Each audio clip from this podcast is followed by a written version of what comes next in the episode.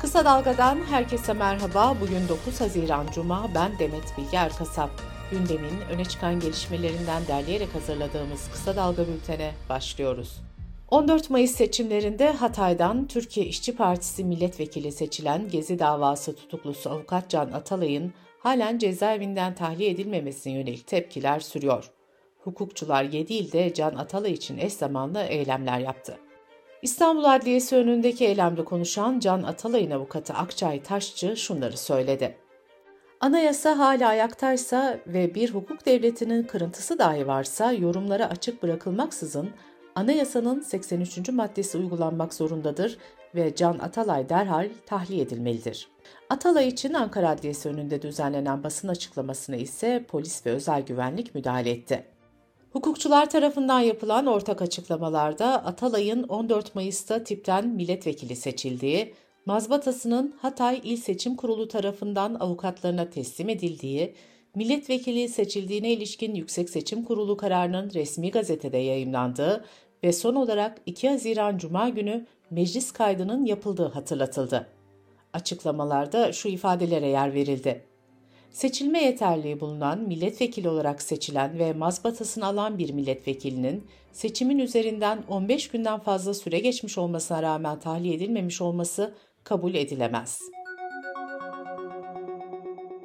Türkiye Değişim Partisi Genel Başkanı ve CHP Erzincan Milletvekili Mustafa Sarıgül, iki partinin birleşmesi çalışmalarının başladığını söyledi. Sarıgül, ya bu sistemden yana olacağız ya da Kılıçdaroğlu'nun yanında olmaya devam edeceğiz dedi.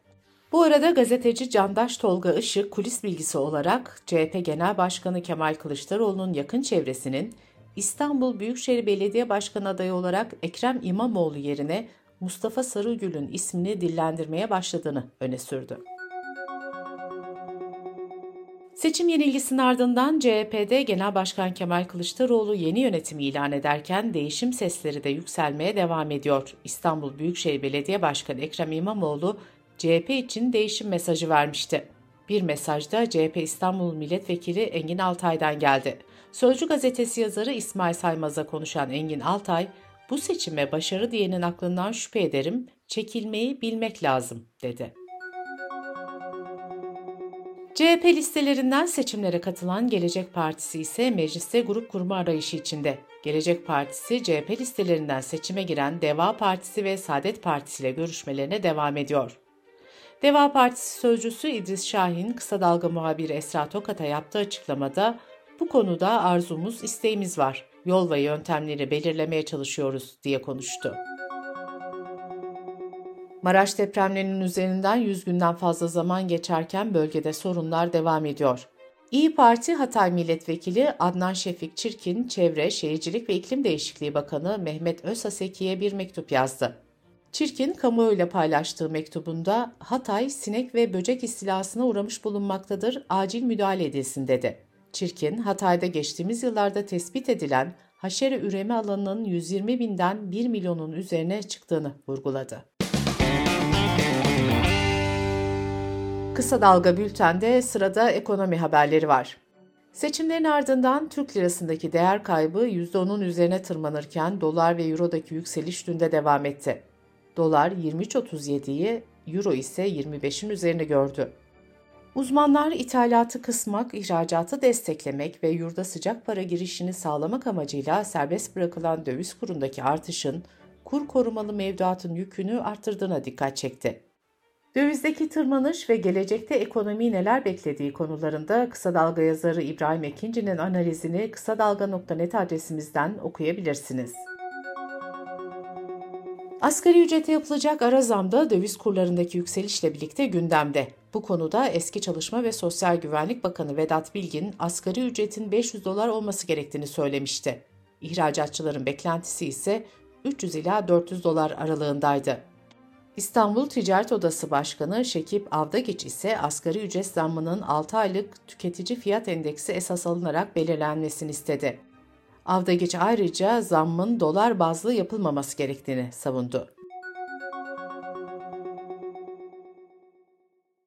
Döviz kurundaki hareketlilik elektronikten otomobile kadar ithal ürün pazarında zam yağmuru başlattı.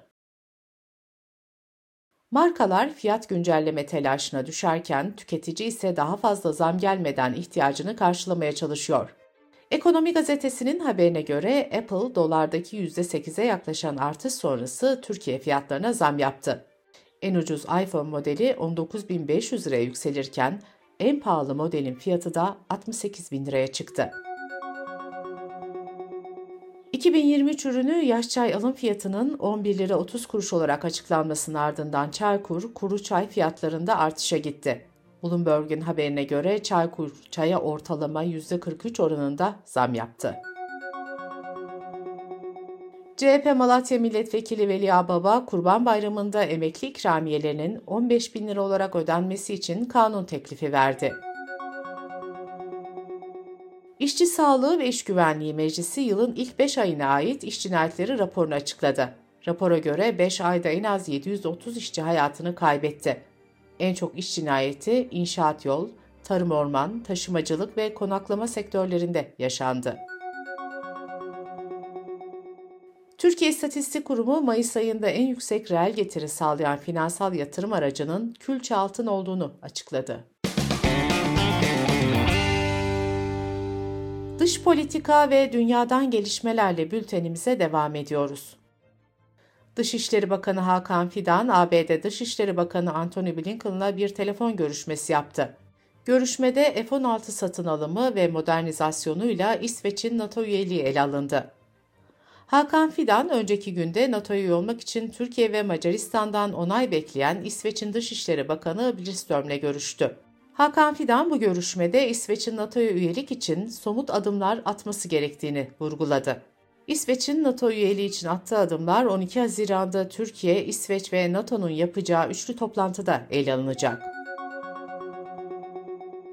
İngiltere hükümetinin mültecilerin Avrupa'ya geçişini engellemesi için Türkiye'ye geçen yıl 3 milyon sterlin ödediği belirtildi. The Guardian'ın aktardığına göre bilgi edinme özgürlüğü talepleri kapsamında hükümetin açıkladığı raporda bu miktarın 2019 yılında 14 bin sterlin olduğu ifade ediliyor. ABD Dışişleri Bakanlığı Sözcü Yardımcısı Vedant Patel, Suriye'nin kuzeyinde ayrı bir devlet kurulmasını desteklemediklerini söyledi. Patel, Suriye'de ve bölgede kalıcı istikrarın Suriye halkının iradesinin temsil edildiği bir süreçte sağlanabileceğini söyledi. NATO, tarihinin en büyük hava tatbikatına hazırlanıyor. 25 ülkeden 10 binden fazla asker ve 250 uçağın katılacağı tatbikat için Alman, Çek ve Hollanda hava üsleri kullanılacak.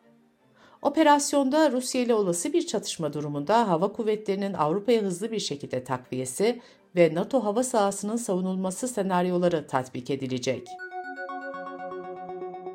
Amerika'nın New York şehri belediye başkanı Eric Adams, kentteki on binlerce düzensiz göçmenden bir kısmını kendi bölgelerinde misafir etmek istemeyen 30 ilçe yönetimine dava açtı. Adams davanın yabancı düşmanlığı bağnazlığına son vermeyi amaçladığını söyledi. Avrupa Birliği'ne üye ülkeler artan iş gücü açığına çare arayışları kapsamında oturma ve çalışma iznini düzenleyen yönetmeliğin güncellenmesi konusunda anlaştı. Avrupa Birliği hem düzenli göçü arttırmak hem de ihtiyaç duyduğu alanlarda ve mesleklerde çalışacak kişileri iş gücü piyasasına katmak istiyor. Kanada'daki orman yangınlarından çıkan dumanın Amerika'ya ulaşması nedeniyle yetkililer sağlıksız hava kalitesi uyarılarını sürdürüyor. New York şehri ve civarında hava kalitesi seviyesi turuncu renkten 165 kırmızı renge çıkarıldı, halka maske dağıtıldı. ABD'nin 5 eyaletinde orman yangınlarına karşı kırmızı alarm uyarısı yapıldı. Bu arada Kanada genelinde 400 civarında orman yangını devam ediyor. Yangınların devam ettiği bölgelerdeki 26 binden fazla kişi güvenli bölgelere tahliye edildi. Japonya'da taciz ve cinsel saldırı tanımının değişmesi gündemde. En büyük fark cinsel saldırının tanımının zorla gerçekleşen cinsel ilişkiden, rıza gösterilmeden gerçekleşen cinsel ilişki olarak değiştirilmesi olacak. Böylece davalara rıza kavramının girmesi sağlanacak. Yapılması planlanan kanun tasarısıyla rıza yaşı da 16'ya yükseltilecek. Kabul edilmesi halinde yasa tasarısı Japonya için bir milat olacak. Bültenimizi kısa dalgadan bir öneriyle bitiriyoruz. Son yıllarda afet düzeyindeki orman yangınlarının çoğalması yangınlara sebebiyet veren faktörlerin arttığını gösteriyor. Uzmanlar ise bu krize hazırlıklı olunması gerektiğini belirtiyor. Yeşim Özdemir'in hazırlayıp sunduğu Orman Yangınları haber dosyasını kısa dalga.net adresimizden ve podcast platformlarından dinleyebilirsiniz.